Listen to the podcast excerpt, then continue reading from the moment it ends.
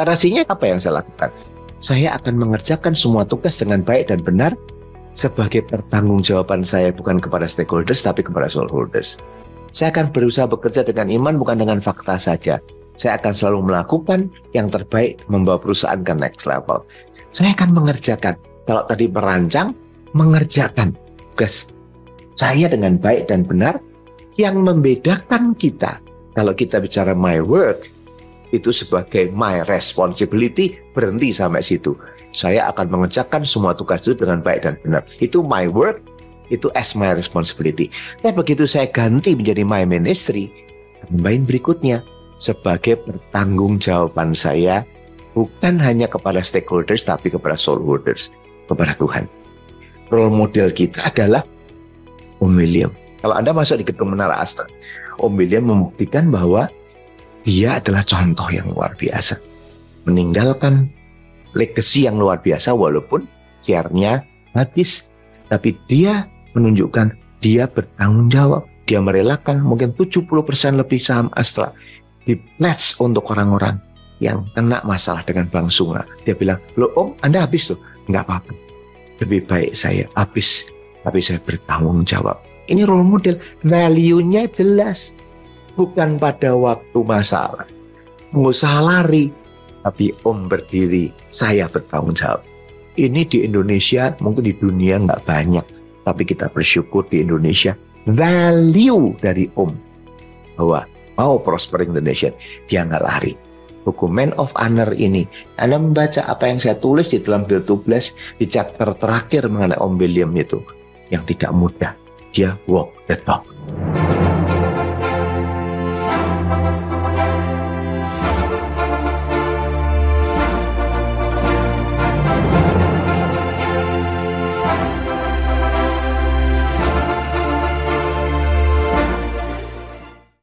Pertanggungan jawab saya. Accountable, bertanggung gugatan yang paling benar. Tapi bahasa Indonesia kalau pakai gitu banyak yang nggak ngerti. Tanggung jawaban saya. Saya mempertanggung jawab tugas saya ini kepada Tuhan. Ini yang langsung switch. My work ini as my ministry atau my work itu as my mammon. Begitu my work as my mammon, maka saya akan mengerjakan for my mammon key performance indicator-nya adalah mamon. Akhirnya kesuksesan areanya adalah my mamon. Uang, uang, dan uang. Dan begitu saya switch my work as my ministry, saya switch dari mamon menjadi ministry. Artinya apa? Saya siap mempertanggungjawabkan apa yang saya lakukan bukan hanya kepada stakeholders, tapi kepada soulholders. Nah kalau sudah begini, Anda mau tipu apa? Dan sulit kalau Anda berani mengatakan Tuhan, ini saya mau pertanggungjawabkan kepadamu. Itu saya memimpin infrastruktur, saya bangun jalan tol, tol road ini. Tuhan, saya mau bangun ini. Tidak boleh ada anak buah yang korupsi, tidak boleh ada macam-macam karena korupsinya sangat besar. Kalau saya mau, saya kaya sekali karena sebanyakin satu proyek 3,6 triliun. Diajak ngomong, Pak mau titip berapa, kita mau potong misalkan besinya dari satu senti jadi 8 mili itu dari 40-50 kilo satu proyek kemudian semennya kita rubah sedikit aja apa pun kita rubah itu untungnya banyak dan banyak orang bertanya mau titip berapa apel Malang atau apel Washington apel Washington 15%, apel Malang 10%. Oh, makanya kita lihat banyak. Anda lihat kalau Jakarta sampai ke Semarang, jalan mana yang rapi? Terus sekali lagi, Jakarta sampai Surabaya deh. Ada jalan-jalan tol Jalan mana yang grunjel-grunjel? Nanti Anda kasih tahu saya. Pasti bukan punya Astra. Tapi kalau jalannya lurus, saya bilang, ah, ini jalannya enak. Pasti punya Astra. Kenapa? Saya kontrol very detail. Saya bilang, saya makin mempertanggungjawabkan ini sama Tuhan. Jadi saya bilang sama teman-teman, nggak tahu ya, jalan Jadi waktu tol kita bangun, kita cek kepada semua orang, cek ya kita yang terbaik. Nggak ada orang muncul mau ngecek betul. Waktu port juga sama muncul karena kita bilang, eh kamu waktu ngecek, kamu ngeceknya sebagai kayak kamu bertanggung jawab sama Tuhan nih. Ini adalah works. Ini adalah satu switch yang luar biasa. Bagaimana Anda switch your mental dari your work as your mamun, your work sebagai source of your income menjadi your work is my ministry Dengan cara begini, makanya waktu saya pensiun Tuhan, terima kasih saya pensiun, saya bertanggung jawab. Dan begitu pensiun saya diminta untuk jadi chairman of committee audit. Kenapa? Karena dia tahu waktu saya sebagai seorang pemimpin, saya care. Jadi kalau saya jadi komite audit, wah anak buah ngeri-ngeri jangan macam-macam ya. Karena saya akan audit apa itu. Kalau kamu macam-macam sama saya, kamu akan selesai. Kenapa? Saya akan audit very detail dan saya tidak bisa kamu tanda petik apain untuk mengubah audit. Kenapa? Pengalaman saya sebagai operation, saya mau melakukan spek. Bukan berarti saya mesti membangun semua speknya bagus. Spek.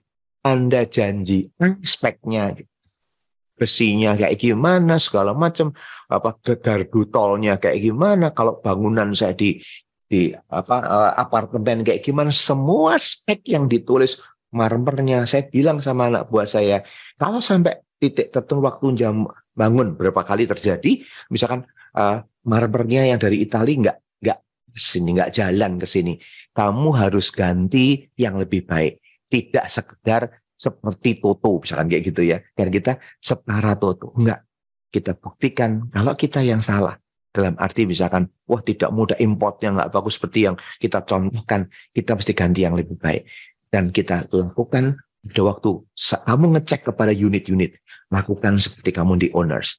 Dan saya ngecek sendiri nih. Beberapa unit-unit yang mereka sudah selesai, saya cek. Dan saya waktu ngecek unit-unit itu, saya merasa seperti saya memilikinya daripada Tuhan. Eh, sampai ada 100 titik perbaiki. Ini nggak benar. Balik lagi. Nggak benar perbaiki. Bukan dia bilang, ah saya bangun. Ini kan orang customer juga nggak sedetail saya. Customer nggak akan selalu kayak gimana saya. Oh, sedetail ini enggak. Kita nggak urusan customer nggak sedetail kita. Tapi kita bertanggung jawab. Karena pekerjaan kita is my ministry. Ini yang sangat penting. Kawanan domba, sama kawanan domba Bagaimana? Itu saja saya sedih hari-hari ini banyak sekali orang yang memperlakukan karyawannya dengan mudah. Dipotong tiba-tiba, wah karyawannya tidak sebagai seorang human, tapi resources. Makanya pada waktu pas COVID 2020 bulan Maret, begitu diumumkan COVID, bulan April saya panggil 30 company di bawah saya. 30 company di bawah saya yang standar yang kecil-kecil sampai yang gede-gede semua, tapi pemimpin-pemimpinnya dari infrastruktur, logistik, IT, properti, uh, call center sama digital, dan 6 business line, 6 business line yang membawai 30, saya panggil mereka bulan April, saya cuma katakan gini, nomor satu, jangan sampai ada PHK karyawan kita, apalagi karyawan. Nomor satu, tidak boleh ada PHK. Kita lakukan saja efisiensi apa saja. Tapi jangan PHK. Karyawan is our biggest asset. Anda bayangkan, kalimat ini kelihatan kayak motivator bagus. Tapi faktanya kena financial. Bayangin, orang nggak masuk jalan tol pada waktu itu. Orang nggak masuk jalan tol. Semua sepi. Semua sepi kayak gini. Ya, kita bertanggung jawab. Walaupun kita akhirnya nggak mencapai target. Wah, mestinya revenue-nya sekian. Nggak ada masalah. Pertahankan karyawan. Jangan sampai saya katakan ke semua pimpinan. Jangan melakukan karyawanmu sebagai resources human. Cek mereka. Bukan hanya tidak boleh PA. Tolong karyawan-karyawan yang terdampak karena banyak WFH, banyak apa sehingga nggak banyak lembur, yang ada kena masalah di rumahnya. Tolong bagi ronsum, bagi apa pun. Dari pola-pola seperti itu, begitu pemulai bagus, karyawan-karyawan kita. Anda lihat kan di berita di koran, karyawan-karyawan kita nggak ada yang macam-macam. Karena mereka apa? Di bawah saya, saya bilang, karyawan merasakan, sekarang saya makin tahu bahwa dulu Om William yang memperhatikan karyawan. Sekarang pemimpin-pemimpin setelah yang sekarang pun memperhatikan karyawan luar biasa. Nggak banyak gejolak. Boleh dikatakan tidak banyak gejolak atau tidak ada gejolak. Kenapa?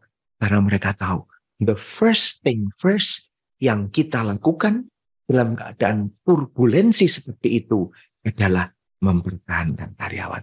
Ini misalnya dari mana? Dari komitmen, dari deklarasi. Deklarasi ini penting. Ada satu dua, saya nggak perlu terangkan satu, semua satu-satu. Tapi contoh yang pertama itu membuat saya makin yakin bahwa deklarasi ini kalau kita lakukan karyawan akan makin makin cinta sama kita. Sekarang kalau udah kita deklarasi, terus oke okay, itu pemimpin Mbak Paulus, terus gimana supaya mengakselerate deklarasi itu menjadi the walk. Karena deklarasi itu the walk. Nah, karena the walk ini penting. Karena deklarasi apa pun pasti ada cost and benefit. Yang saya lakukan jelas tahu. Ada berapa banyak cost yang saya lakukan. Ada ketakutan bahwa itu berhasil atau tidak waktu aktivasi. Jelas. Itu sebabnya kita butuh role model. Nah untuk role model ini gimana kita lakukan? Untuk growing ini.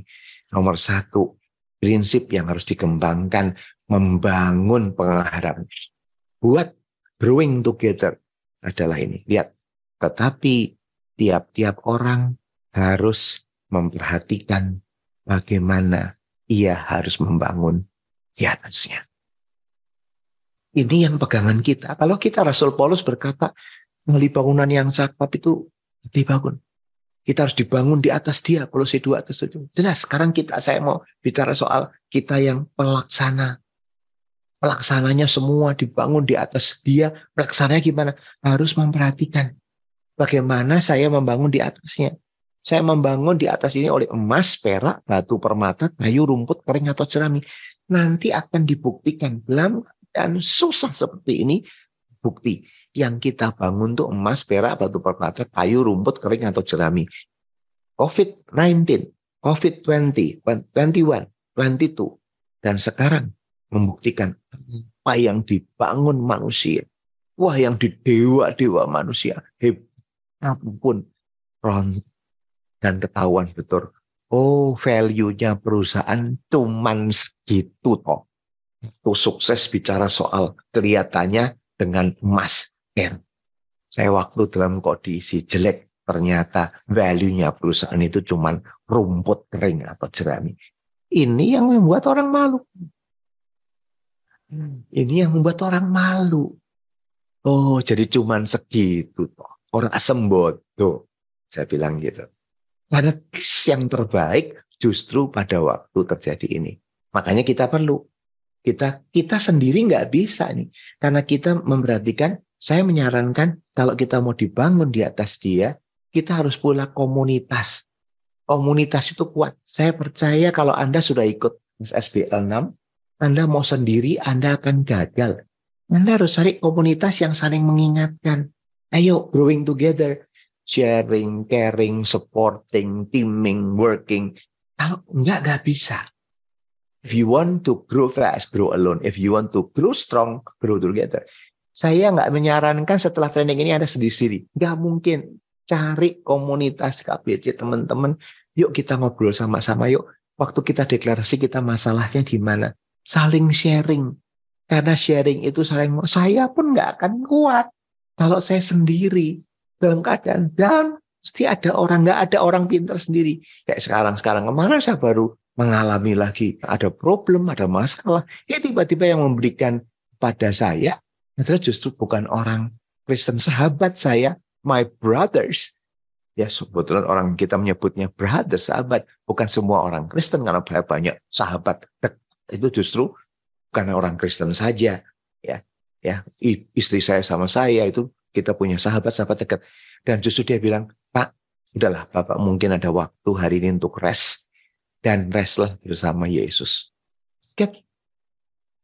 dan saya bilang iya Pak terima kasih ya padahal dia bukan rest bersama Yesus justru saya pengen mendengar setelah Bapak melakukan retreat ini retreat pribadi saya pengen dengar apa yang Yesus mengatakan saya bilang, ya saya lagi berdoa supaya bisa melihat listen the unheard. Saya mau listen yang the unheard. Saya mau sin the unseen. Dan saya mau think the unthinkable. Hari ini. Jadi ini masih berangkat sampai besok saya mau benar-benar tidak mau yang lain.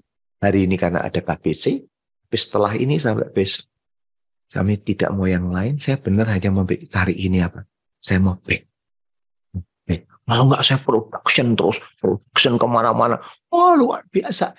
Di end of the day, yang kita lakukan apa?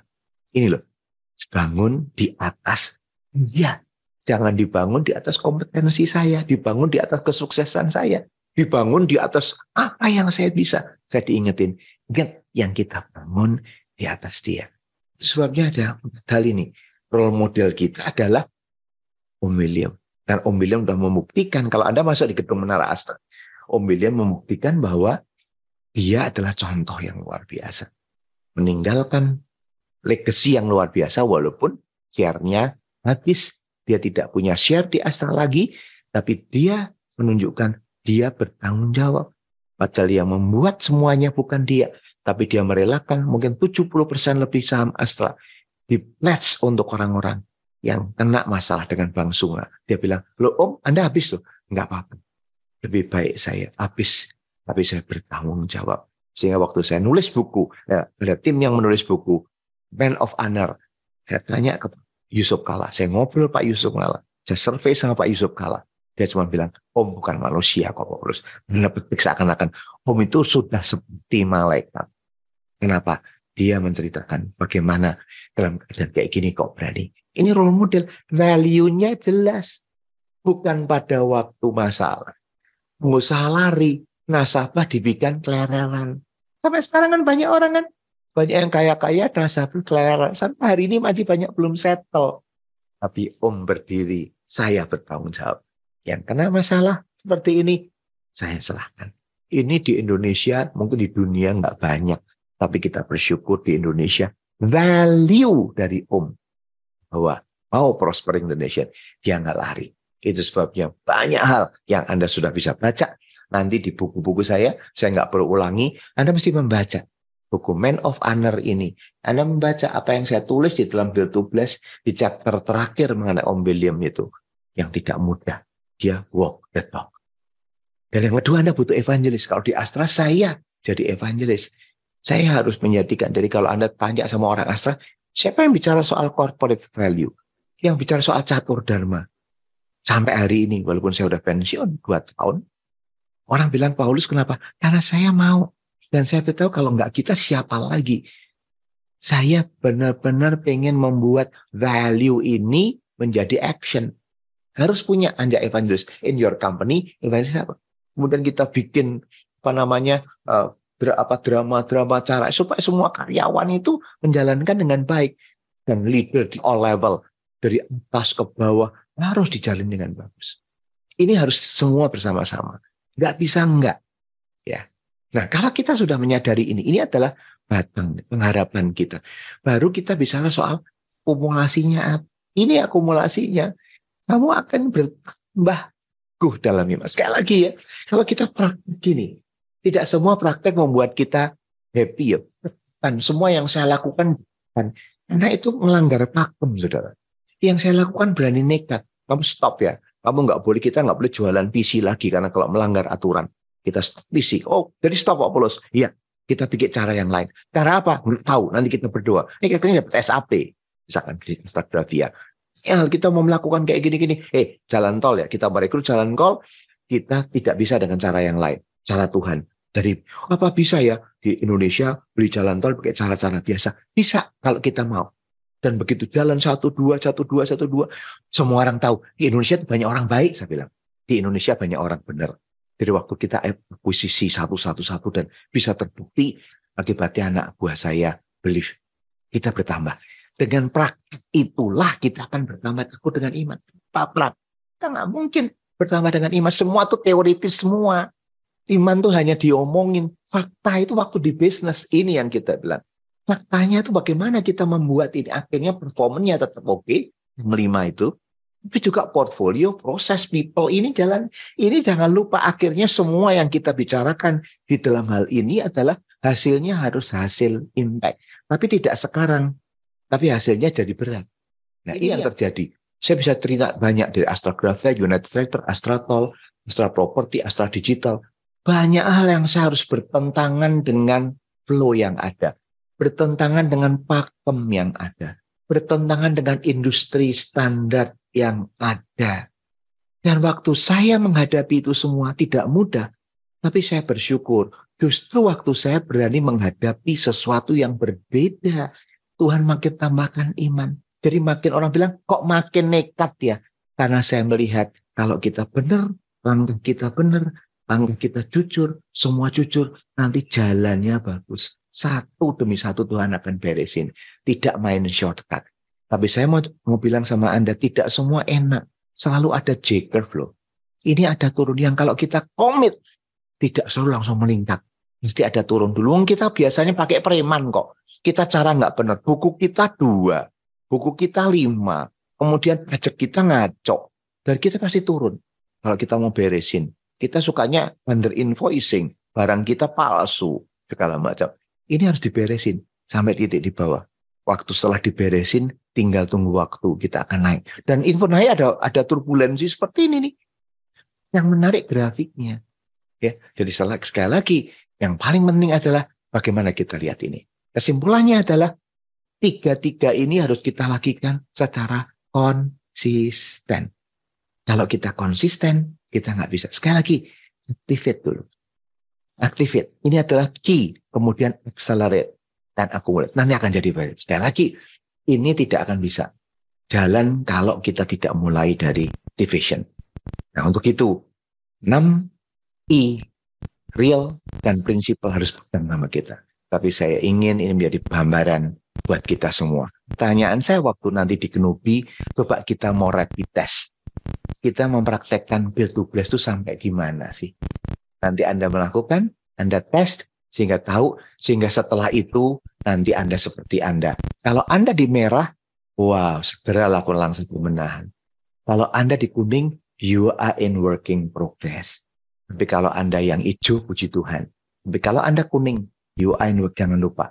Anda harus mau fokus.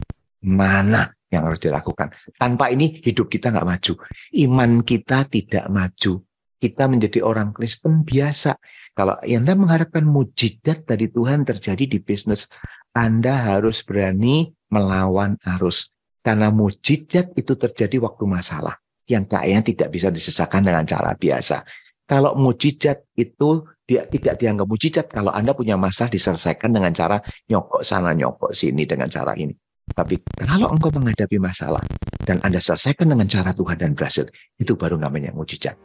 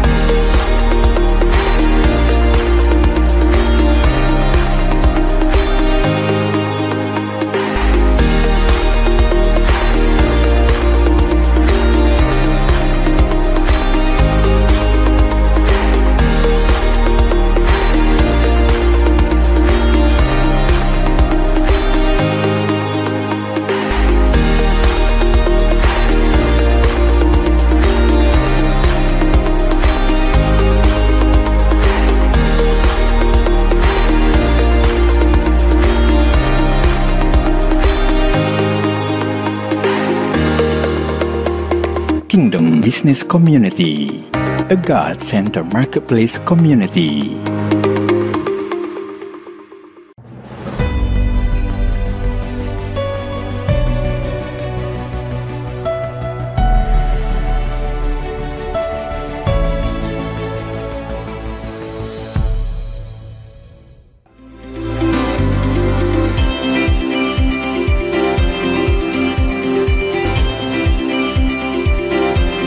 And Podcast listeners, terima kasih Anda telah menyimak Rise Podcast Special Edition yang dipersembahkan oleh Kingdom Business Community. Harapan kami setiap episode Rise Podcast dapat menginspirasi Anda untuk terus mengalami transformasi dalam melakukan bisnis dan profesi Anda untuk tujuan yang mulia, membangun bisnis melalui manusia dan membangun manusia melalui bisnis. Kami mengajak setiap Anda dan perusahaan Anda untuk bergabung bersama kami dalam komunitas Kingdom Business Community. Secara bersama, kita bisa bertumbuh, berkembang, dan sukses, serta dapat berkolaborasi dalam gerakan kepedulian kepada sesama untuk Indonesia yang lebih baik. Untuk dapat bergabung, silahkan kunjungi website Kingdom Business Community di www.kbc.or.id atau hubungi Sekretariat Nasional KBC di 0817 131 257. Sekali lagi www.kbc.or.id. Rise Podcast Kingdom Business Community. We podcast with heart. Sampai jumpa.